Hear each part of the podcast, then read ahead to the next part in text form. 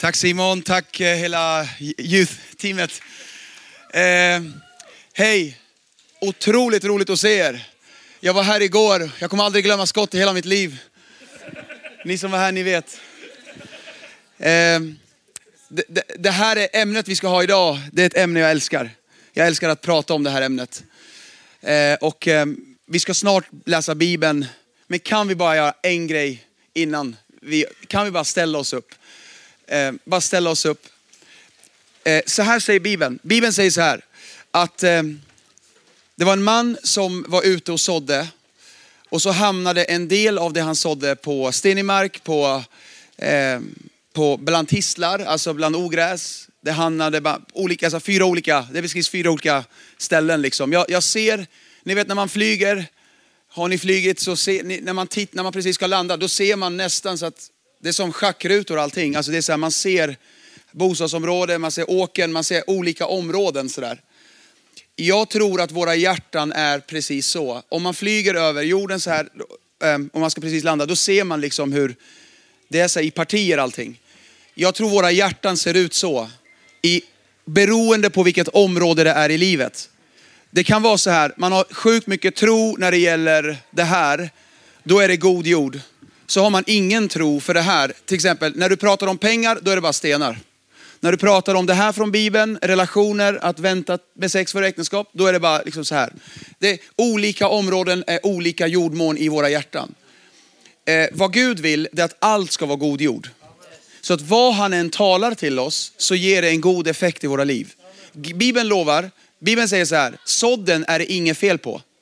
Det är inte fel på sådden, det är inte fel på gudsordet. Det är beroende på var det hamnar ger det olika resultat. Och vad som gör då att det hamnar på god jord, det är om marken är förberedd, upplöjd. Så nu när vi ber, så ber jag att vi bara lägger våra egna händer på våra egna hjärtan. Gud, låt det vara god jord idag, i Jesu namn. All right? Låt det vara god jord idag. Om du redan är döpt, så kan det här ändå tala till dig i andra områden i livet. All right? Det kan också ge dig bensin och eh, lite ammunition när du leder andra till att själv bestämma sig att döpa sig. Så när du lyssnar idag, lyssna inte bara för din egen skull, lyssna på alla du ska hjälpa i det här ämnet. När någon fråga, säger så här till dig, jag är inte döpt, vet du vad du ska säga då? Eh, så lyssna på det här och anteckna som om ni ska undervisa dig själv på konfaläger om ett halvår. Är du med? Då lyssnar man på ett helt annat sätt. All right? Men vi börjar med att be nu. Fader, tack i Jesu namn för ditt ord. Ditt ord skickade du inte bara, utan du kom med det med din egen son. Ordet blev kött och bodde bland oss och visade sig och vi fattade att det var på riktigt. Vi ber i Jesu namn att ditt ord inte ska bara svinga förbi oss, inte bara ska hamna på liksom någonstans i våra hjärtan, det växer till och det är entusiastiskt i två veckor, sen försvinner det. Utan vi ber att det ska ge en 30, 60 och 100-faldig effekt i våra liv. Att vi kan hjälpa andra med det. Gud låt den här undervisningen idag inte bara stanna här i tältet, inte bara stanna på Nyhem, inte bara liksom finnas i våra hjärtan om två, två veckor.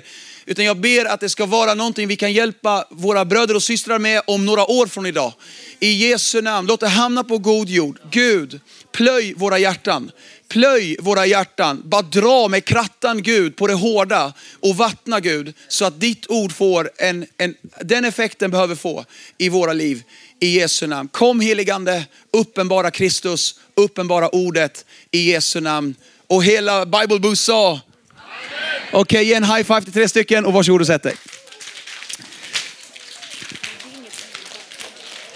Oh, tack att du sa det. Ah, Okej. Okay. Okay. Så...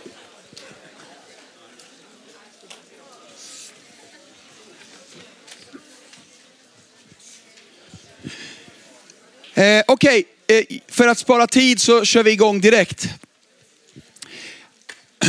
Okej, okay. så ämnet idag heter troendedopet. Om du vill nu, ta fram era häften och skriv rubrik troendedop. Det här är bara tips liksom. Eh, skriv troendedop. Det här handlar om troenderopet. Ni ska få ett citat på skärmen nu. Om ni ser så ser ni, annars kommer ni höra mig. Så här, så här säger jag, och då, då skriver jag i vår kyrka, och då får ni tänka i era kyrkor. Men i pingströrelsen skulle vi kunna säga så här, i, i, i pingst tror vi inte på vuxendop eller barndop. Vi tror på troendedop. Okej? Okay? Det har ingenting med ålder att göra, det har allt med tro att göra. Eh, I två ställen i Bibeln så står det, allt som man gör utan tro, det är synd. Alltså det vi gör utan tro, det, det, är, liksom, det är inte ens verksamt inför Gud. Ehm, för, att, för att om man gör saker utan tro, då visar man, jag behöver inte ens Gud för det här. Alltså jag kan sköta det by myself. Jag, jag behöver inte ens lita på Gud i det här. Jag kan göra det av, så här kan jag säga, om du lever ett liv där du inte ens behöver tro, då lever du ett för litet liv. Men om ditt liv kräver tro, då lever du ett stort liv. Då krävs det att man liksom måste luta sig på Gud. Eh, allt som sker utan tro är synd. Och då säger jag så här, det vi gör för Gud utan tro, det är bara tomt. Eh, därför tror jag barndop är tomt. Det görs utan tro. Men det är ju föräldrarnas tro, men det är inte personens tro. Bibeln har aldrig talat om föräldrarnas tro, Bibeln har alltid pratat om en personlig tro. Förstår ni? Därför är inte det som görs utan tro, det är inte ens verksamt, det är inte ens gällande. När jag, var, jag är uppväxt i syrisk-ortodoxa kyrkan. Det här var fett stor fråga för mig. Jag kunde inte bara gå och döpa mig liksom. Jag fick nästan eh, kris med min släkt. Så jag var ju barndöpt. Och eh, när jag skulle liksom eh, döpa mig, jag hörde i pingkyrkan att man ska döpa sig. Alltså det blev kalabalik, alltså det blev kaos. Min pappa krävde att jag skulle byta efternamn. Jag, vet, jag hör nu om folk, de är med i missionskyrkan, de ska bli pingsvänner eller någonting. Det är oh, en stor deal. Jag bara, bror det är ingenting. Alltså jag var ortodox, jag ska bli, det, är, det, det, det är två helt olika världar. Det är helt annat. Alltså nu bara det här, ni sitter blandat, män och kvinnor. Det gör, det gör vi inte. Det är män på en sida, kvinnor på en annan sida. Kvinnorna har sjal på huvudet. Allt är annorlunda. Förstår du? Allt är annorlunda liksom. Tält by the way, skulle aldrig vara ett tält. Det skulle vara en fin katedral. Ja, men förstår du? Allt, allt var annorlunda. Och när det kommer till så här sjukt stora frågor som dop, då var det värsta krisen för mig. Jag vet inte om du har samma bakgrund och om du har mött samma reaktion från dina föräldrar. Eh, eller om du har kompisar som är uppväxta i ortodox eller katolsk familj. Då blir det ganska svår grej. För oss är det, är det inte så svårt att tänka på de här frågorna. Men för en som kommer från en sån bakgrund, det är en fett stor fråga. Alltså det är som att nästan byta religion. Alltså, förstår du? Eh, men då, då landade jag i Eh, de sa, men, men vi trodde ju åt dig, sa de, när du döpte dig som bebis. Vi trodde ju åt dig. Eh, och då tänkte jag på det, kan man tro åt någon annan? Ingenstans i Bibeln står det så. Du kan inte bli frälst åt någon annan. Du måste själv bli frälst. Eller hur? I gamla testamentet, då gjorde Gud, nu är det liksom, ni är ungdomar jag vet, men jag tror ni you can take some deep stuff, eller hur? I gamla testamentet, Gud gjorde förbund med folk. Men i nya testamentet, Gud gör förbund med person. Eh, I gamla testamentet, då gjorde Gud ett förbund med judarna, folket judarna. Hela folket var inkluderade i Guds plan, förstår ni? Men i nya testamentet, då gör Gud ett förbund med individer, personer, män och kvinnor, in, personligt. Är du med? Och när det var i gamla testamentet, då var det så här, alla åkte med. En bestämde sig i familjen, alla åker med. Det tänket tog man till nya testamentets kyrka. Okej? Okay? Om pappan vill bli kristen, alla blir kristna. Alltså om, om föräldrarna bestämmer sig, barnen kommer med. Förstår ni? Men så är det inte i nya testamentet. I nya testamentet är det personlig tro som gäller. Jag själv, jag kan inte bli frälst åt någon annan. Och by the way, bara för att du har kristen familj, du är inte kristen för det. Um, man måste själv fatta ett beslut. Mina egna barn behöver fatta ett eget beslut att följa Jesus Kristus. De kan inte surfa på att pappa predikar och sådana här grejer. Det funkar inte. Du kan, du kan vara son till påven brorsan. Eller hur? Men det hjälper inte. inte ens, inte lyssna. Till och med Maria, Jesus egen mamma, behövde bli frälst. Uh, det, där, det, där, det där ryser i mina eh, ortodoxa religiösa, det, det ryser att bara säga det, men det är sant. Till och med hon, Maria, behövde bli fylld med den heliga ande. Hon var där på pingstdagen när, de, när anden föll. Hon också behövde bli fylld med den. Vadå, var inte hon fylld med helig ande när hon födde Jesus? Ja! Nej. Hon behövde också bli fylld med den heliga ande. Och Maria behövde det. Hon födde ju Jesus, förstår du? Hon behövde bli frälst, hon behövde bli fylld och ta emot den helige ande. Så om hon behövde det, alla behöver det. Är du med? Så hur nära besläktad du än är, vilket jag är kusin med Jesus, snälla någon, är eh, första kristen, kom igen. Ja, jag behövde också bli frälst, förstår du? Ja. Så vi tror inte på vuxendop eller barndop, vi tror på troende dop. Här kommer det ett, eh, ett bibelord. Hebreerbrevet, om ni vill, det jag har pratat om hittills, skriv några så minnesanteckningar om det. Så att ni kommer ihåg det jag precis sa. Alltså, det har inte med, alltså utan tro, det går inte att göra dop liksom. Du måste ha tro, annars är inte handlingen verksam. Um, um, allt som sker utan tro är synd. Romarbrevet 14.23. Det jag sa precis står i Romarbrevet 14.23. Eh, ett annat bibelord säger så här, Hebreerbrevet 11.6. Hebreerbrevet 11, ni behöver inte slå upp. Hebreerbrevet 11.6. Det står, det är omöjligt att behaga Gud utan tro. Vet ni varför? För att Gud älskar att se när vi litar på honom mer än världen eller våra kompisar. Hörde du? Det är omöjligt att behaga Gud utan tro. Eh, så när vi gör någonting utan tro, det behagar inte Gud och det är inte ens verksamt inför Gud. Vad vi än gör. Är du med? Så dop utan tro, det är bara att du skvätter ett barn. Det är bara blöter ner, du duschar ett barn. Det, det är ingenting. Alla religiösa handlingar, nattvard utan tro, det är bara en kaka. Det är bara lite saft. Är du med? Allt du gör utan tro, det är tomt. Jag predikade nattmötet här i måndags. Jag sa, put some fire in the sermon or put the sermon in, in the fire. Alltså, om inte det finns tro, om inte det finns eld i det, det är tomt. Alltså du känner det direkt liksom, eller hur? Hebreerbrevet, nu kommer det ni skulle skriva upp då. Hebreerbrevet 6.1. Hebreerbrevet 6, vers 1. Hänger ni med hittills? Fett, bra. Okej, okay. Hebreerbrevet 6.1. Låt oss lägga bakom oss de första grunderna i Kristi lära och föras till fullkomlighet. Låt oss inte på nytt lägga grunden med omvändelse från döda gärningar, tro på Gud, undervisning om reningar och handpåläggning, om dödas uppståndelse och en evig dom. Vers 3. Det här är så här sjukt eh, svårt att förstå allting, men jag ska snabbt förklara det. Ja, detta vill vi göra om Gud tillåter.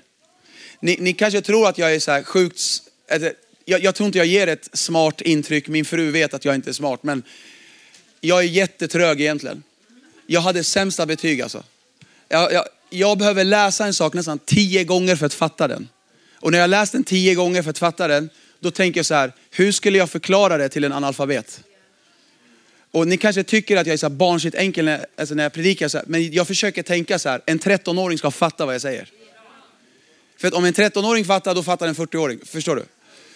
Och, och sådär. Så när jag läste det här, alltså bror, precis som dig, jag fattar, vad är det här döda uppståndelse? Vad är, vilka ord? Alltså det är så svårt att förstå allting. Men då läste jag det tio gånger helt enkelt. Jag, läs, jag läste det här tio gånger för att verkligen förstå. Och jag sa sen, Gud snälla visa mig vad det här betyder. Låt oss lägga bakom oss grunderna i tron och föras till fullkomlighet. Och som alltid, om du ska verkligen fatta någonting, titta vad det står i originalet. Originalet är alltså det som Bibeln skrevs i från början, grekiska, hebreiska. Jag pratar arameiska, arameiska är släkt med hebreiska. Så det är jättelikt, mitt hemspråk är jättelikt eh, Bibelns språk, hebreiska. Eh, så när jag läste det här, eh, då tittade jag alltid hur det står i originalet. Bara en intressant grej för alla er, bra att veta. När Bibeln skrevs så skrevs den i ett språk som var ganska fattigt.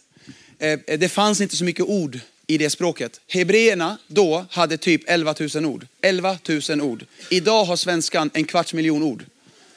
Okej? Okay? Engelskan har 500 000 ord. Kinesiskan har 900 000 ord. Okej, okay. så när man skriver på ett språk som bara har 11 000 ord, förstår du då att ett ord kan betyda 20 saker? Förstår ni? Då är det väldigt svårt att översätta Bibeln. Vad betyder det här egentligen? Men för att förstå det, vad är orden innan och vad är orden efter?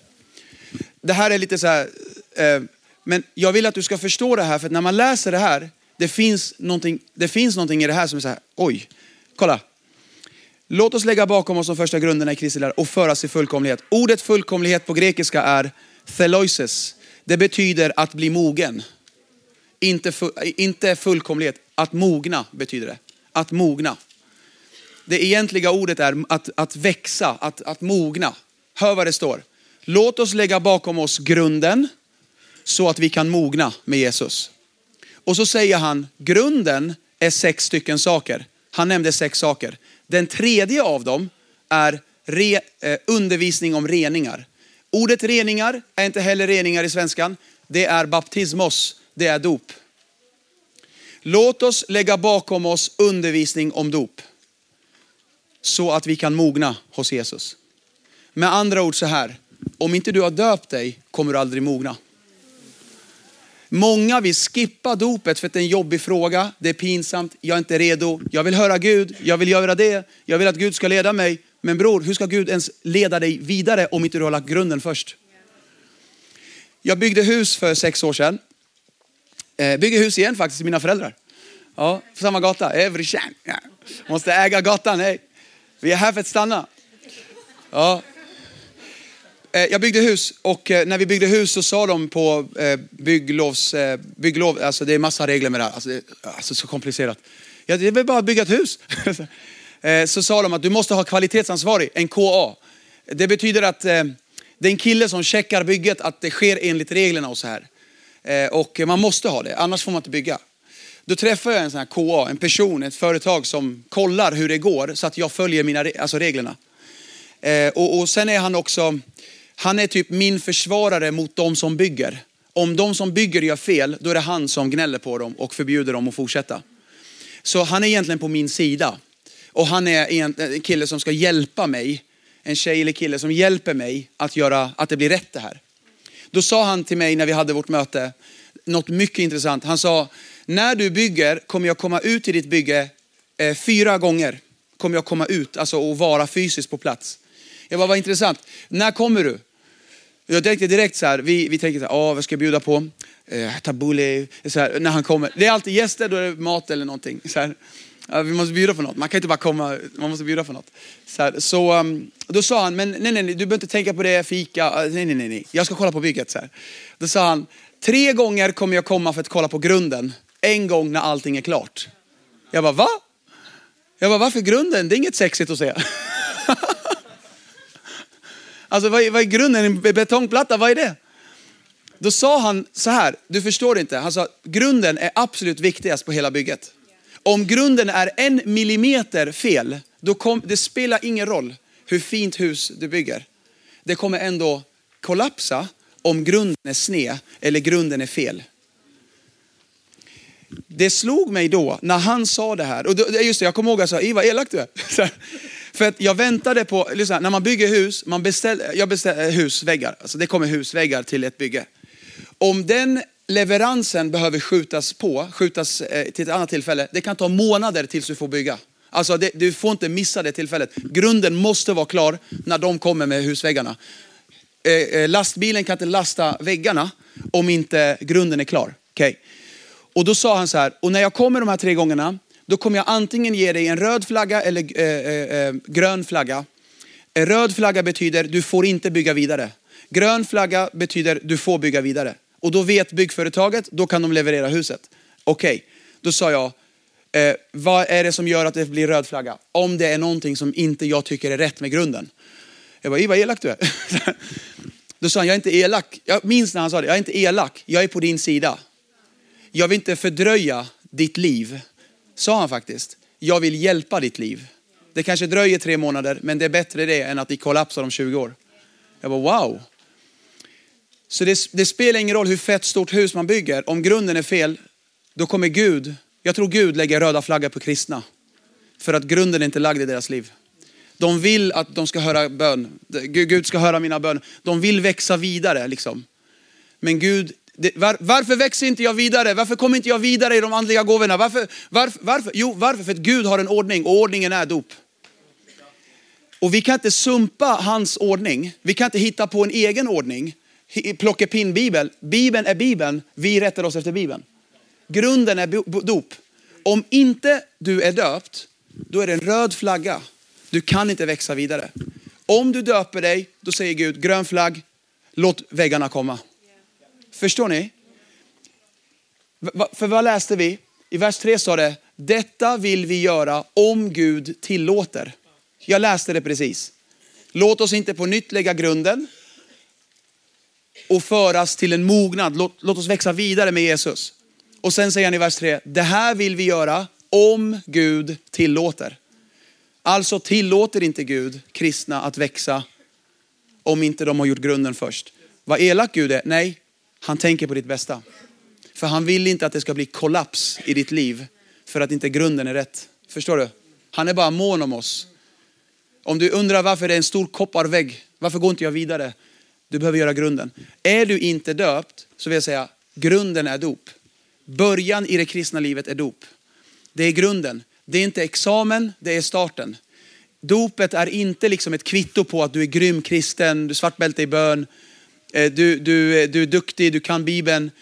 Ingenting sånt. Du kan vara svart bälte i synd faktiskt. Eh, ta en sigpaus när du, i, när du väntar på att lovsångarna ska bli klara så kan du döpa dig. Så, alltså, förstår du jag, jag vill bara eliminera tanken att det krävs helighet för att döpa sig. Nej, det är dopet som hjälper dig att bli heligare. Dopet hjälper dig att bli mer lik Jesus, förstår ni? Ehm, så dop är grunden. Jag vill bara skicka, eh, så här, alla vi som, ja men min släkt vill inte och det här och det här. Och jag har respekt för det, jag hade det så. Jag väntade tills jag var 18 för jag fick inte av mina föräldrar. Så när jag blev myndig så fick jag göra det. För de sa så här, ja men kanske kommer det försvinna från hans huvud, låt, låt oss se. Liksom. Men det satt kvar på min 18-årsdag, första december. Jag kommer ihåg när det var, oj ja, länge sedan det var, 99 eller någonting. Så jag firade min födelsedag i doppoolen. Jag var 18 år. Och ingen kom i min släkt. Ingen. De var väldigt emot det. Idag är farsan min största supporter. Eh, jag har vikt i ortodoxa kyrkan. Jag är kompis med biskopen. Alltså det, det är så bra nu. Jag är så, jag är så glad nu. För, förstår ni? Men det gäller att hålla ut. Det gäller att inte ge upp. Utan om du, om du håller ut i slutet, då kommer du vinna hela världen. Jag lovar, stå fast i dina värderingar. Om kompisarna tycker att en grej är okej, okay, jag tycker inte det är okej. Okay. Bibeln säger att det inte är okej. Okay. Stå fast vid det. Jag lovar att i end of the day, vi kommer vinna ändå. Det är inte liksom att vi förlorar kompisar, utan vi står upp för Gud mer än människor. Eller hur? All right. Det här var lång, jag tog för lång tid på det här. Um, fick ni tag på den? Grunden är dop. Om inte grunden är rätt, då kommer inte Gud tillåta oss att växa vidare. Det är för att han älskar dig och han vill ditt bästa. Och han vill att du ska mogna och växa i Jesus. Men för att det ska ske måste vi följa hans ordning och det är först tro, att jag blir frälst. Sen dop och de här grunderna och sen andedop som vi pratade om på nattmötet eh, då, eh, i måndags där. Och igår, eller ja, de här dagarna. Okej. Okay. Um, ehm. ehm när, jag, när jag läste det där äh, i Bibeln, då läste jag, eh, låt oss lägga bakom oss undervisning om reningar. Reningar. Snälla häng med, det här är sjukt bra. Ni kommer bara, ni kommer bara storkna hur bra det här är. Reningar är plural. I grundtexten är baptismos i plural.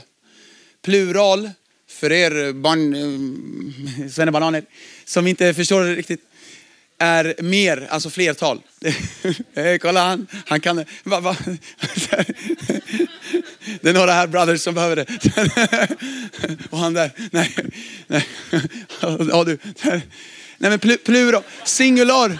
Singular är ental, plural, flertal. När, när baptismos, ordet baptismos står i plural, det betyder att det finns mer än ett dop. Det finns inte bara ett dop, det finns mer än ett dop. Jag tror att det finns tre. Frälsningens dop, troendes dop i vatten och andens dop. Frälsningens dop, det går till så här. Den helige ande står som en dopförrättare och doppar dig i Jesus. Det är när man bestämmer sig att tro på Jesus. Jag säger ja till Jesus, jag räcker upp min hand. Jag släpper in Jesus att bli min Herre. Jag, säger, jag ber om syndernas förlåtelse. Vet ni vad som händer då? Då är det som att den helige ande doppar dig i Jesus. Vill ni ha ett bibelord på det? Okej, okay. första dopet, det står här, första dopet, frälsningens dop, första Korinthierbrevet 12. I en ande har ni blivit döpta.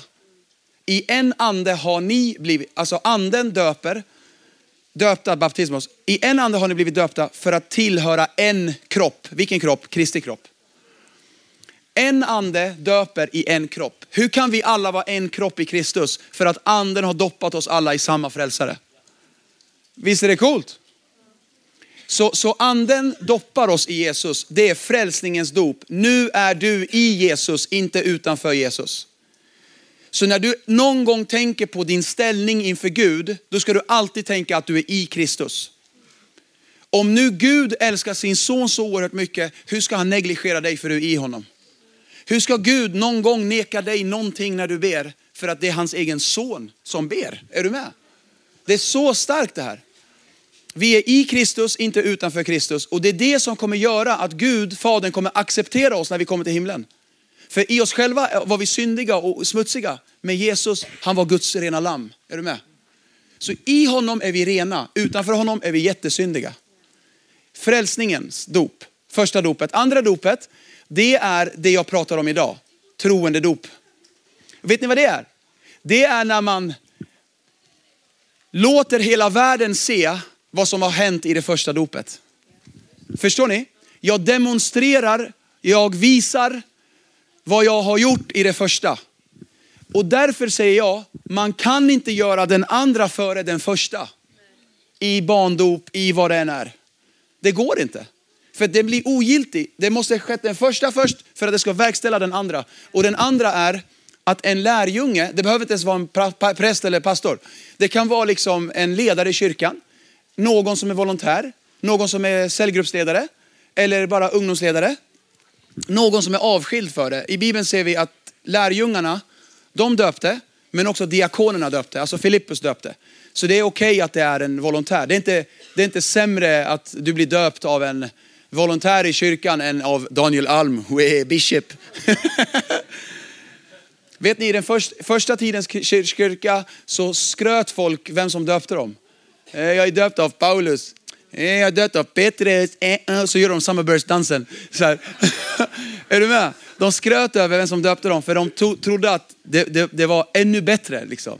Men det sitter inte i vem som döper, det sitter i vad du gör. Är, är du med? Så det, det, är liksom ingen värdering, så här, oh, han döpte mig, hon döpte mig. Det kan vara underbart, liksom, men det är själva grejen du gör. Så dopförrättaren, den som döper, är egentligen bara en representant av den heliga ande. Och, och vad är det? Jo, man visar vad som har hänt i det första. Är det för krångligt det här? Åh, oh, snälla tappa inte mig nu. Så, här. så då, då, då står dopförrättaren så här och demonstrerar vad som har hänt i det första. Och då gör man så här, då doppar man i vatten. Vad är vatten en bild på? Ordet, Kristus. Woo! Jag fick gåshud. Vatten är en bild på Guds ord. Du doppas i Guds ord. Du doppas i Kristus. Så när jag gör dop nummer två, då visar jag att dop nummer ett har skett. Jag visar världen att det som hände Jesus har hänt mig. I Romarbrevet står det faktiskt så här. Eh, det står så här. Vi är uppståndna med honom och vi är begravda med honom. Begravda och uppståndna med honom. Begravning och uppståndelse. Och, och vad dopet visar, det är så här. Jag är begravd med Jesus, jag är uppstånden med Jesus. Det finns två tillfällen vi visar evangeliet. Alla andra gånger vi berättar evangeliet. Två tillfällen. Dop och nattvard. Dop demonstrerar för världen att Jesus är begravd och Jesus är uppstånden. Nattvard demonstrerar för världen, Jesus kommer komma tillbaka. Han bara, gör detta tills jag kommer tillbaka, säger han. Så när visar vi evangeliet? I dop, i nattvard. Varför är dop så starkt i en kyrka? För att vi visar alla som är där, Jesus begravdes, Jesus uppstod. Och by the way, det hände inte bara honom, det har hänt mig. Så kom inte och säg till mig att det inte har hänt honom, för det har hänt mig. Amen? Amen. När man döper sig, man ger sig till Jesu begravning och Jesu uppståndelse. Och man säger till världen, så som han begravdes, så kommer jag också begravas. Så som han uppstod, så kommer jag en dag uppstå när han kommer och hämta mig. Det är sjukt starkt med dop, alltså det, är det, det är det bästa som finns. Alla borde göra det. Kolla, som med alla ämnen i Bibeln, när jag hör om frälsning, jag vill bli frälst igen. Det är sant. Varje gång jag hör en bra frälsningspredikan, vilket är rätt ofta faktiskt, så här, ah, jag vill bli frälst igen. Eller jag hör om eh, eh andedopet. Jag vill bli andedöpt igen. Förstår du? När jag hör om dopet så vill jag bli döpt igen. Men jag vill bara säga till dig, är du döpt behöver inte du döpa dig igen. Om du är döpt i tro. Okej? Okay? Och det vet du. Och om du är osäker på, om du är säker på det, prata med dina föräldrar eller din pastor som döpte dig då eh, och ha ett samtal om det. Många som säger till mig, jag vet inte vad jag gjorde när jag var 14, nu jag förtappar Gud, nu är jag 19, nu vill jag. Men vet du, det, nej, gör inte det. För att Bibeln talar om ett dop. Vi ska inte gå och döpa oss hela tiden. Utan vi döper oss en gång. Ja men du var ju barndöpt. Ja men barndop är inte giltigt för att det var inte i tro. Förstår du? När det är ditt dop, då är det ditt dop. Du behöver inte gå och göra det igen. Så, så vad du gör istället är att du erkänner dig till ditt dop. Säg tack Gud för mitt dop. Och så, om du inte tror på det, titta på bild eller något. Så här. Är du med? Eh, det, det, det tredje dopet, förresten det första dopet är det enda du behöver för att komma till himlen. Om du är frälst räcker det för att komma till himlen. Rövaren på korset, han sa till Jesus, Jesus tänk på mig. Och Jesus sa, idag ska du vara med mig i paradiset. Killen plockades inte ner, döptes och sattes upp igen. Förstår du? Så dopet är inget krav för att komma till himlen. Däremot är frälsningen ett krav för att komma till himlen. Bara de som tror på Jesus kommer komma till himlen. Inte, in, inte muslim, inte den som inte erkänner Jesus som Herre. Bara den som erkänner Jesus som Herre kommer komma till himlen. Inte någon annan. Alltså, förstår ni? Åh vad taskigt. Nej, istället för att tänka så här, oj, vad, vad kaxigt att säga att Jesus är den enda vägen. Eh, tacka Gud istället att det ens finns en väg. Och det är Kristus. Så dop, dop nummer ett är det enda du behöver för att komma till himlen. Dop nummer två visar världen vad jag har gjort i det första. Och dop nummer tre, det är när Gud sen klär den nya skapelsen med kraft att göra det Jesus själv gjorde. Och det är andedopet. Ehm, jag ska avsluta med eh, eh, två bilder. Två bilder. Ni får en bild på, på um, Noas flod. Eh, Noas flod. Hur, tidsmässigt, vad har jag? Fem minuter nu? Fem. Tre, härligt. Okej, okay, Noas flod och eh, Röda havet. Jag tror att hela gamla testamentet är bilder på vad Jesus vill säga till oss. Alla, alla berättelser i gamla testamentet är som bilder på vad nya testamentet sen säger. Så jag ser ingen kontrast i de här två delarna. Ehm, Noas flod är en bild på troendedopet enligt Petrus. Petrus säger att Noas flod är en bild på troendedopet. Ehm, första Petrus 3 säger han, i Noas ark blev några få, åtta personer frälsta genom vatten. Efter denna förebild frälser dopet också er. På samma sätt som Noas familj togs från en gammal skapelse till en ny skapelse, så vill Gud ta dig från ett gammalt syndarliv till ett nytt liv i Kristus. Exakt så. Och i arken kommer du räddas. Utanför arken kommer du gå förlorad. I Jesus är du räddad. Utanför Jesus är du förlorad. Noas ark är Jesus. Eh, här kommer eh, nästa bild, Röda havet.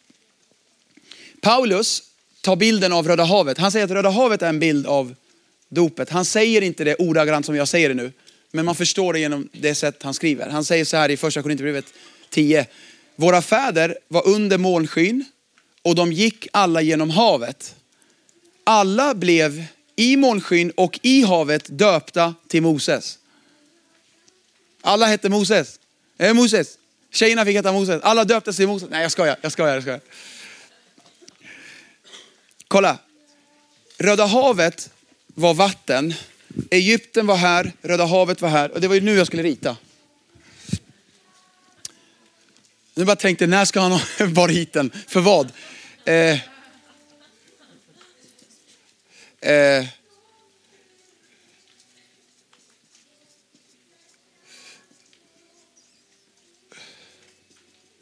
vad härligt varmt det är, eller hur? Är vi i Afrika eller? Här är vattnet. Här var folket. Uh,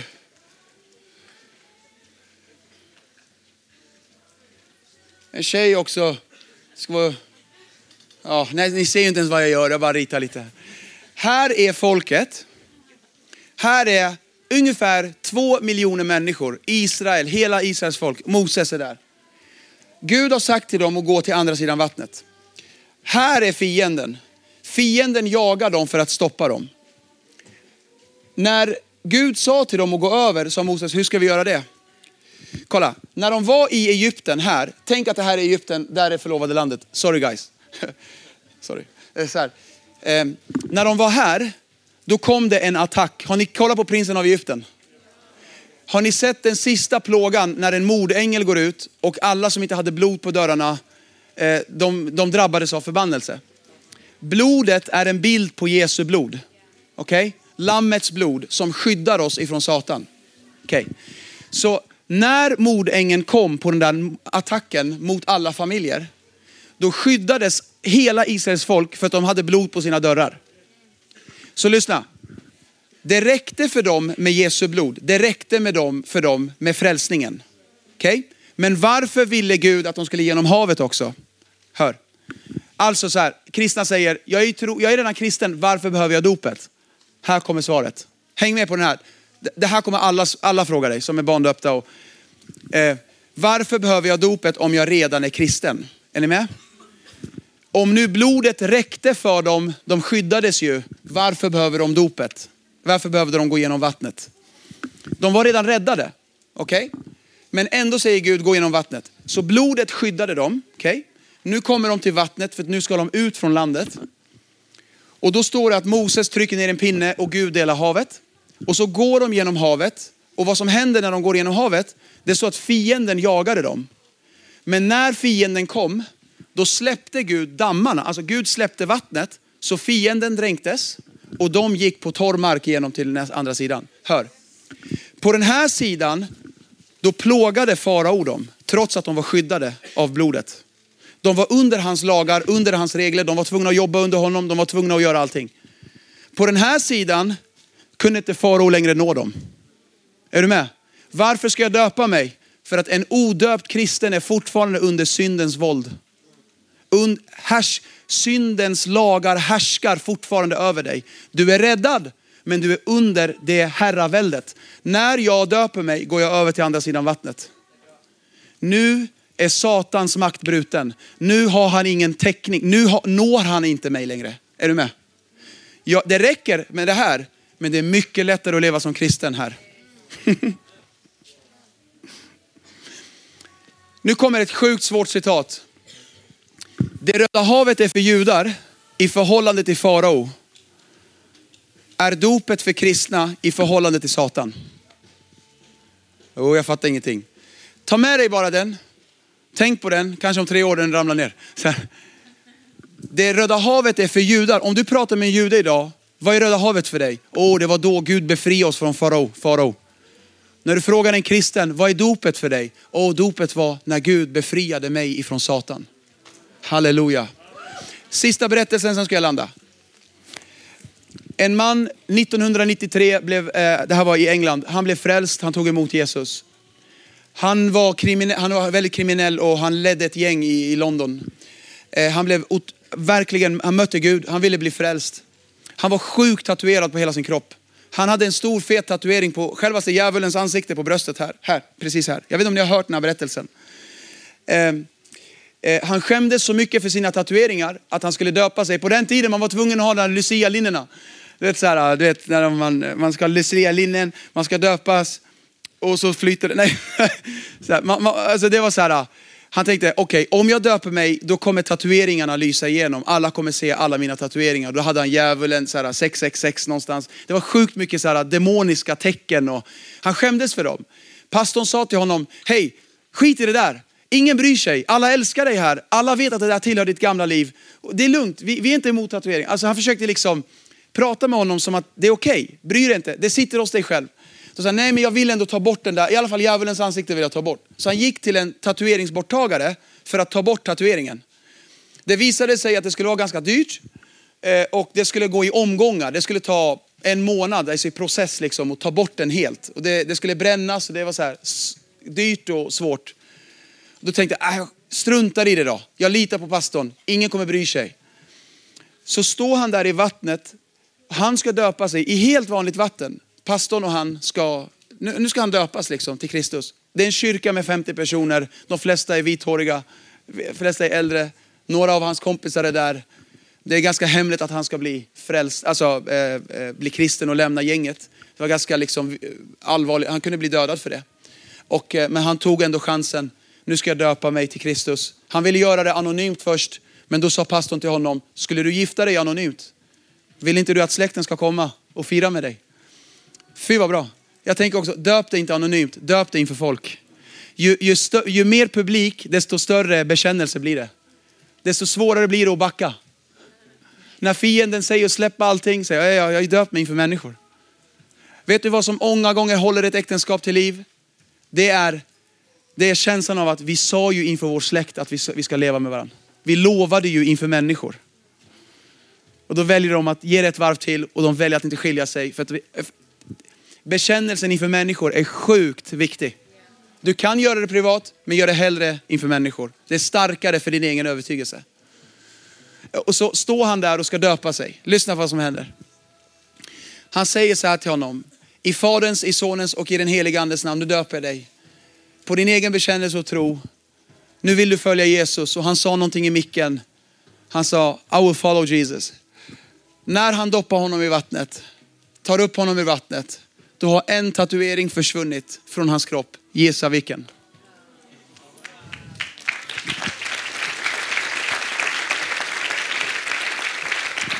Gud tvättar bort Satan från sina barn i dop. Döp dig så fort du bara kan. Du är Guds barn, inte faraos barn, förstår du? Du är Guds barn. Du är en dotter och son till Gud. Gå hela vägen med Gud, vänta inte längre. Tack så mycket. Eh, och fortsätt gärna skicka in frågor. Vi har fått en del. Eh, vi har fått en del frågor, men eh, eh fortsätt eh, skicka frågor. Yes. Kul. Eh, Tiglet, vi kör så här fem snabba brukar vi köra eh, med eh, talarna. Mm. Du hörde ju de här igår. Har du tänkt på dem någonting? Ja, jag, har, eh, jag tänkte på dem när jag hörde dem, men sen har inte jag tänkt på dem. Ja, men vad gött. Då är de fem snabba för dig fortfarande. Ja. Så gul eller röd kyrksaft? Röd. Bra! Bibel 2000 eller folkbibeln? Folkbibeln, boom! Hamburgare eller tacotallrik? Tacotallrik utan tvekan. Hav eller sjö? Jo, eh, eh, jag, måste, jag har tänkt på frågan. Eh, vad sa du? Hav eller sjö? Hav. Hav. Sommar eller skidläger? Nej men sommar. Snälla kompis, kom igen! Eller hur? Yes. Har du eh. något boktips med dig? Jag, eh, jag hade en med mig, men den blev såld. Ah? Det var min egen. jag har skrivit en bok om, om det, det här jag pratade om idag. Den heter Vad hindrar att jag blir döpt? Eh, alltså den, jag skrev den för att eh, jag var så trött på att svara på alla föräldrars frågor om varför deras barn skulle döpa sig. Och jag kände nästan att alltså varje vecka var det samma sak. Eh, eh, man skulle möta frågor. Ja, men, eh, hon är ju konfirmerad och massa sådana här. Och då orkar inte alltså. Jag skriver en bok istället så ger de boken istället. Så kan de läsa den. Eh, och det är en tunn, jättelätt läst bok eh, för att förklara ämnet. Liksom. Så det här jag pratat om nu, lite av det finns i boken. Eh, vad hindrar att jag blir döpt? Heter boken. Och, eh, jag skäms för omslaget, men eh, det var han som eh, skulle göra omslaget. Han bara, klart du ska ha dubbla bälten brorsan. dubbla bälten och prästskjorta. Ja, ni får se omslaget så fattar ni. Det finns så många kvar, det kommer en ny upplaga snart. Tyvärr inte med mig, men ja. Yes. Um, Okej, okay en fråga som uh, jag har fått här ja. är om uh, man kan vara för ung för att döpa sig. Oj, vad bra fråga. Uh, alltså det, det är jättesvår. Jag skulle säga så här, att alla, alla känner i sitt hjärta, man mognar olika. Man kan träffa en 14-åring som faktiskt inte är mogen, så kan man träffa en 8-åring som känns väldigt mogen. Men eh, Petrus sa på ett ställe, alltså när, när, när de blev andedöpta, eh, då sa han, vad hindrar dem att bli döpta när de liksom måste ha tagit emot den helige ande? Jag, sett, jag vet sjuåringar som har börjat tala i tungor. Liksom. Eh, så jag menar, om de nu blir andedöpta, vad ska vi, och de är sju år, men sen kan man träffa någon som har gått 19 år så här, och nu fattar liksom. Eh, man mognar olika. Jag, jag, eh, judarna säger bar mitzva, de har bar mitzva när de är 12 tror jag det är. Eh, bar mitzva är konfirmation. Vi har konfirmation, alltså katolska kyrkan införde konfirmation för att konfirmera sitt dop, liksom. confirm. Att liksom skriva, skriva på, liksom. jag, ja, jag är kristen. Och då har de det när de är ja, runt 13-14 liksom. Och då någonstans där anser man är, ja, normal, då är det liksom lagom och då är man tillräckligt mogen. Men jag skulle säga, jag tror att när står man på egna ben och inte på föräldrarnas? För barn tillhör Gud, säger Bibeln. Alla barn tillhör Gud. Eh, jag tror att man står på egna ben när man första gången själv medvetet syndar. Och det är ju otroligt olika när det är. När man medvetet får syndanöd, då är man mogen att bli frälst tror jag. Att själv fatta ett beslut, då står man på egna ben. Och det, när det är, I don't know. Just det. Du var, ju, var lite inne på det nu, men, eh, och, ja, du svarade ju lite på det också. Men kan man få tungotalet innan man är troende döpt? Ja, eh, jag fick precis den frågan av en kille här. Absolut, jag fick det. Jag, var, jag blev frälst när jag var 17. Eh, jag blev andedöpt några veckor senare. Och så döptes jag alltså ett år senare. För jag, som sagt, jag fick ju inte. Jag ville Bibeln säger också att man ska respektera sina föräldrar. Eh, så ja, det kan man. Eh, det, det, det finns exempel på det i Bibeln. När, ett särskilt då när de tog emot den heliga ande och började tala i tungor innan de var troende döpta. Eh, så absolut. Eh, jag tror inte det är... Det förvånade Petrus när det hände. Så jag tror inte det var så här, det normala som händer. Men som sagt, som jag sa i nattmötet där, att jag tror att Gud är så ivrig att döpa i helig ande så att han kan inte hålla sig. så han vill det. Jag vill också säga, är man, alltså väntar man med dop och så här. Den som väntar längst med dop var eh, Paulus. Han väntar tre dagar. Det är den längsta väntan vi har på, eh, på dop, det är tre dagar. Så det är inget Bibeln uppmuntrar oss att vänta med. Från att man tar emot Jesus då? Från att man tar emot Jesus, exakt.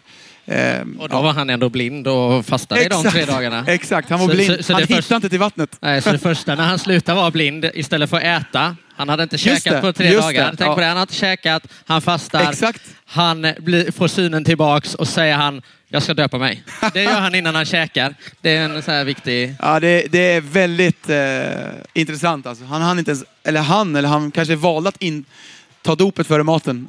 tre dagar, tom mage. Ja, det, det säger något om hur viktigt det är. Yes. Ehm, jag har fått några frågor också här om eh, så, här, ja, men, så jag kan döpa min vän då? Liksom. Eller så här, utifrån att du sa det. att eh, det inte måste vara en pastor eller Mm. så som döper. Eh, du kan döpa om du är avskild av ledarskapet i kyrkan. Eh, avskild betyder att du har fått ett mandat att leda. Ledarskap är ingenting vi bara tar, ledarskap är någonting vi får. Eh, och man får det om man själv står under det. Förstår ni? Vi står under Jesu ledarskap. Och om jag är den ensam enda kristna på en öde ö, då är det mig Gud använder. Men liksom Gud är ordningens Gud. Det finns en kyrka, det finns en pastor, det finns ett ledarskap. Be att få, be att få liksom bli avskild. Eh, alltså jag brukar säga alla som teamar i kyrkan och volontärer eh, är på något sätt avskilda att tjäna. Eh, vi kallar det för volontärer, men Bibeln kallar det för diakoner. Och det egentligen betyder hjälptjänst. Och hjälptjänst är döpte. Så om du är ledare i kyrkan, ja du kan döpa. Men gör det inte liksom, nu går jag och döper dig, utan eh, stå i, i, i eh, berätta det för dina ledare i kyrkan också. Att, liksom, att det inte blir en egen grej du gör. Att liksom, vi bygger inte så här kioskkyrkor överallt, utan vi bygger en kyrka där vi är. Ja. Jag hade en, en kompis, eller två kompisar med mig i dopkraven när jag döpte mig, eller jag Oh, wow. döpte mig i havet till och med. Eh, men då var det liksom en ledargestalt och sen så var två av mina vänner med och, och döpte. Eh, så så kan man ju också göra, att man liksom har med sig eh, någon som har varit mycket, eller viktig för en i sin tro. Ha med den i, alltså fråga om den kan vara med i dopkraven, liksom, så är den med och döper. Så döper de tillsammans då. Eh, Så bra. är också ett exempel på hur man Ver- kan göra. Verkligen. Yes. Det är super. Alltså min rekommendation det är att, att ändå göra det inför människor. Eh, om det är fara för ditt liv, om man, det är någon muslim liksom som ska, och det är verkligen allvarligt, liksom, det, det, då fattar man såklart att de gör det i smyg. Men om man inte vågar visa dop, då menar jag på, hur ska du någonsin våga visa annat i kristen tro? Eh, när det kommer till kritan, liksom. Eh, om inte du vågar döpa dig, snälla, vad ska du våga göra då? Ehm, typ. Yes. Ehm, en annan fråga då som eh, ja, är lite mer ifrågasättande kanske. Ja, är, eh, är inte Gud större än så? Skulle det inte kunna vara möjligt för, eh, med Guds hjälp att växa och mogna i sin tro utan att vara döpt? Ja, vad bra. Jo, Gud är stor, men Gud går inte emot sitt eget ord. Eh, Gud, har, eh, Gud är rättfärdig, Gud är god, Gud är allt detta. Men Gud går inte emot sitt eget ord. Ehm, för mig är det alltid, när jag hör en sak som jag upplever kan vara Gud, jag låter alltid Bibeln liksom ge grönt ljus på det. Ja, men jag känner att jag känner så här. Men Bibeln säger något annat. Ja, men då känner jag fel. Eh, det står till och med i Bibeln att hjärtat är ett bedrägligt ting. Så hjärt, våra hjärtan är korrupta. De går inte att lita på riktigt. Vi säger följ ditt hjärta, nej. Följ Bibeln. Eh, och jag tror att eh, eh, Gud är rättfärdig. Gud går inte emot sitt eget ord. Eh, har han bestämt en ordning, då är det den ordningen som, som han eh, opererar inom. Ja, men det är som att ställa frågan, om nu Gud är större, om då kan han bära en sten som är större, han kan skapa en sten som är större än honom och, och som han själv inte kan bära. Jag bara, men alltså, vad är det för kinesiska? Alltså sluta. Eh, ja, men det blir bara så här konstigt, det blir så filosofiskt konstigt. Varför skulle, då skulle jag svara, varför skulle Gud göra någonting onödigt? Det är ju jättekonstigt. Gud gör inga onödiga grejer, Gud vet vad han gör.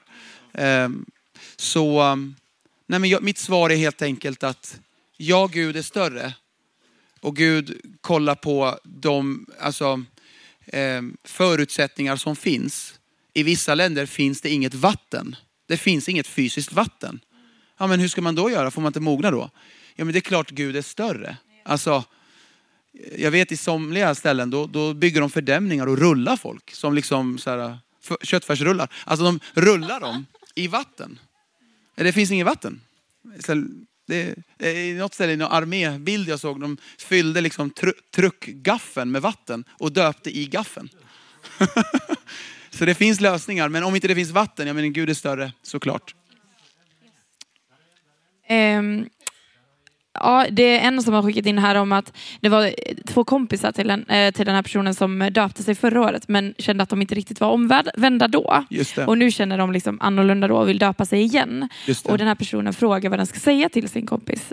Vanligt förekommande tänker jag det här. Kan, kan du ställa frågan igen? Jag tror Yes. att det här är ganska vanligt. Va- Yes. vad- vad menar du? Alltså en person? Eh, nej men, det här är ju en person som har två kompisar. De här två Okej. kompisarna, Ja. de är döpta Ja. för eh, ett år sedan.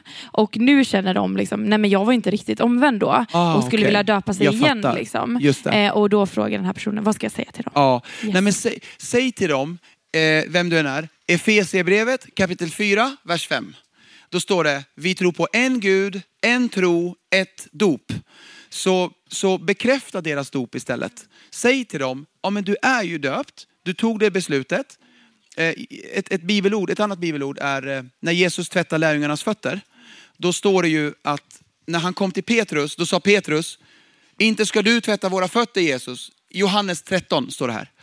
Då säger Petrus, eh, han, vä- han vägrar låta Jesus tvätta hans fötter. Då säger Jesus, om inte jag tvättar dina fötter, då har du ingen del i mig.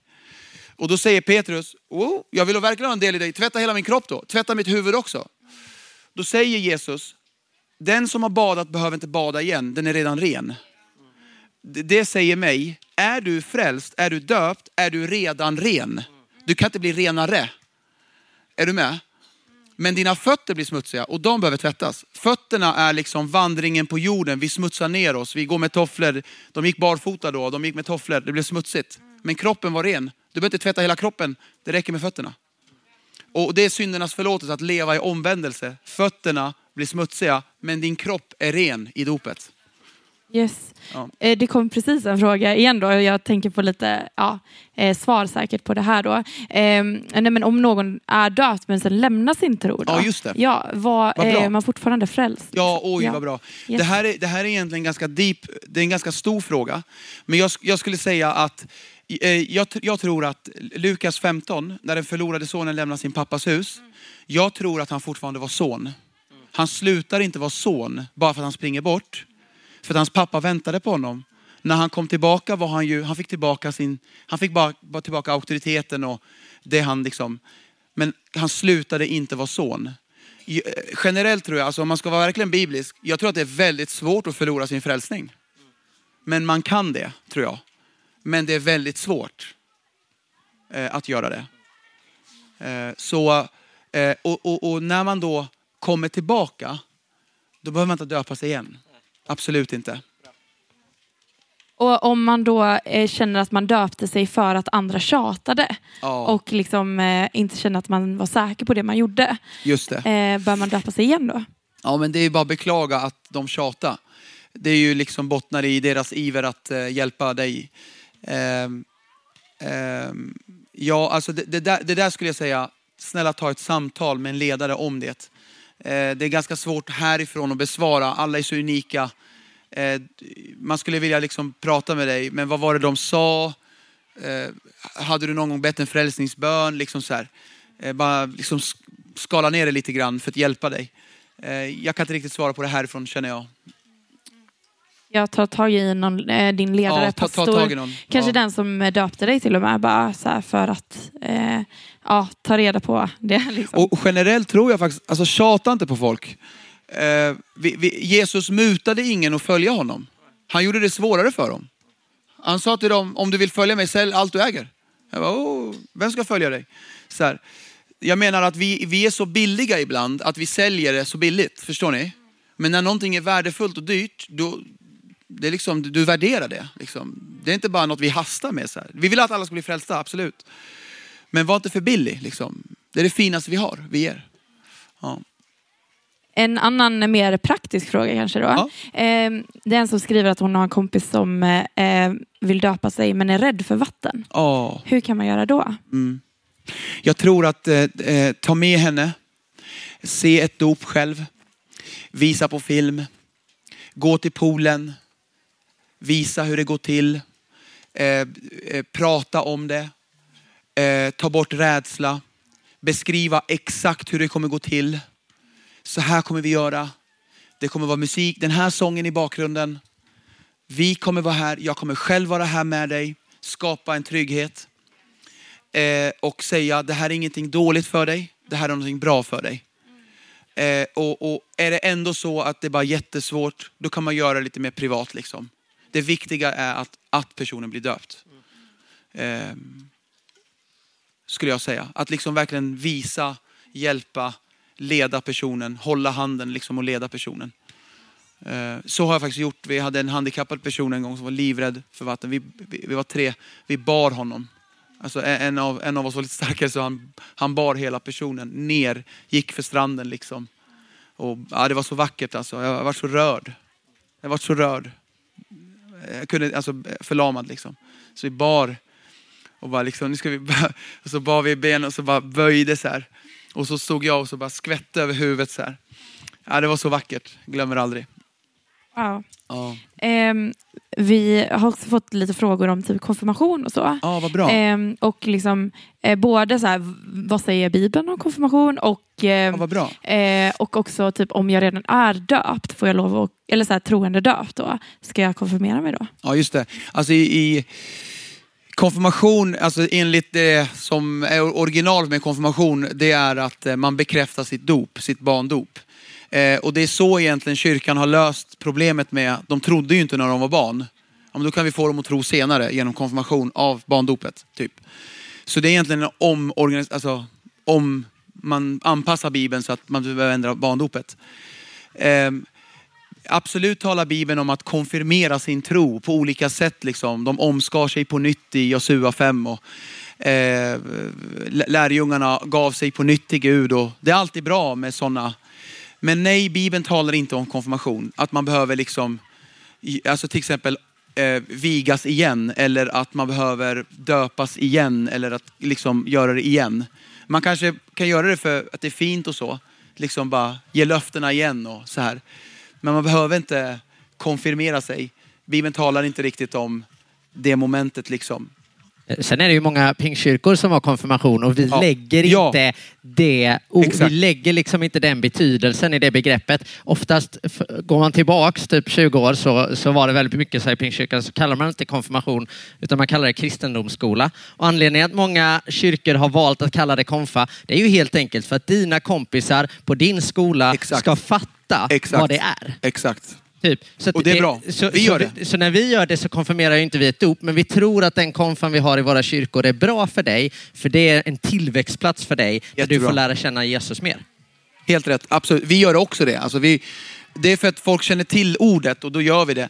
Men om, alltså om man är konfirmerad på sitt barndop, då brukar jag svara människor så här.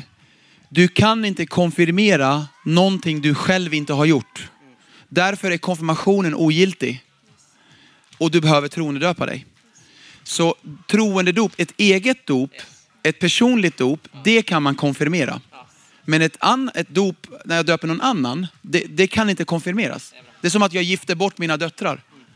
Utan deras tillåtelse. De vet ingenting. Jag säger till dem när de är stora. Habibi, jag gifter bort dig med en man som heter Fukri. Och du med en man som heter Hussein. Ja, jag vet inte. Ja, men du vet så här. Och det är, bara, det är bara gilla läget. Det här är din man. Och det är typ så man gör med barndop. Man gifter bort dem med Jesus, förstår mig rätt. Utan deras vetskap eller närvaro eller... Du, så ska jag konfirmera det då? Det känns ju jättekonstigt. Nej, men också som jag vill lägga till då är att eh, vissa typ väljer att eh, konfirmera sig eh, till exempel i ett samfund där du måste döpa dig för att konfirmera dig eller så. Att Ja, man, det. eh, man kanske inte har en tro och så väljer man att man vill konfirmera sig då, gå i konfa liksom. Och så måste du döpa dig innan du konfirmerar dig. Och det tycker jag inte, eller det, det vill jag bara säga att gör inte det. liksom, eller så här, eh, döp dig inte om du inte har en tro. Liksom. För tron måste ligga där i grund liksom, för eh, dopet som Exakt. du pratade om.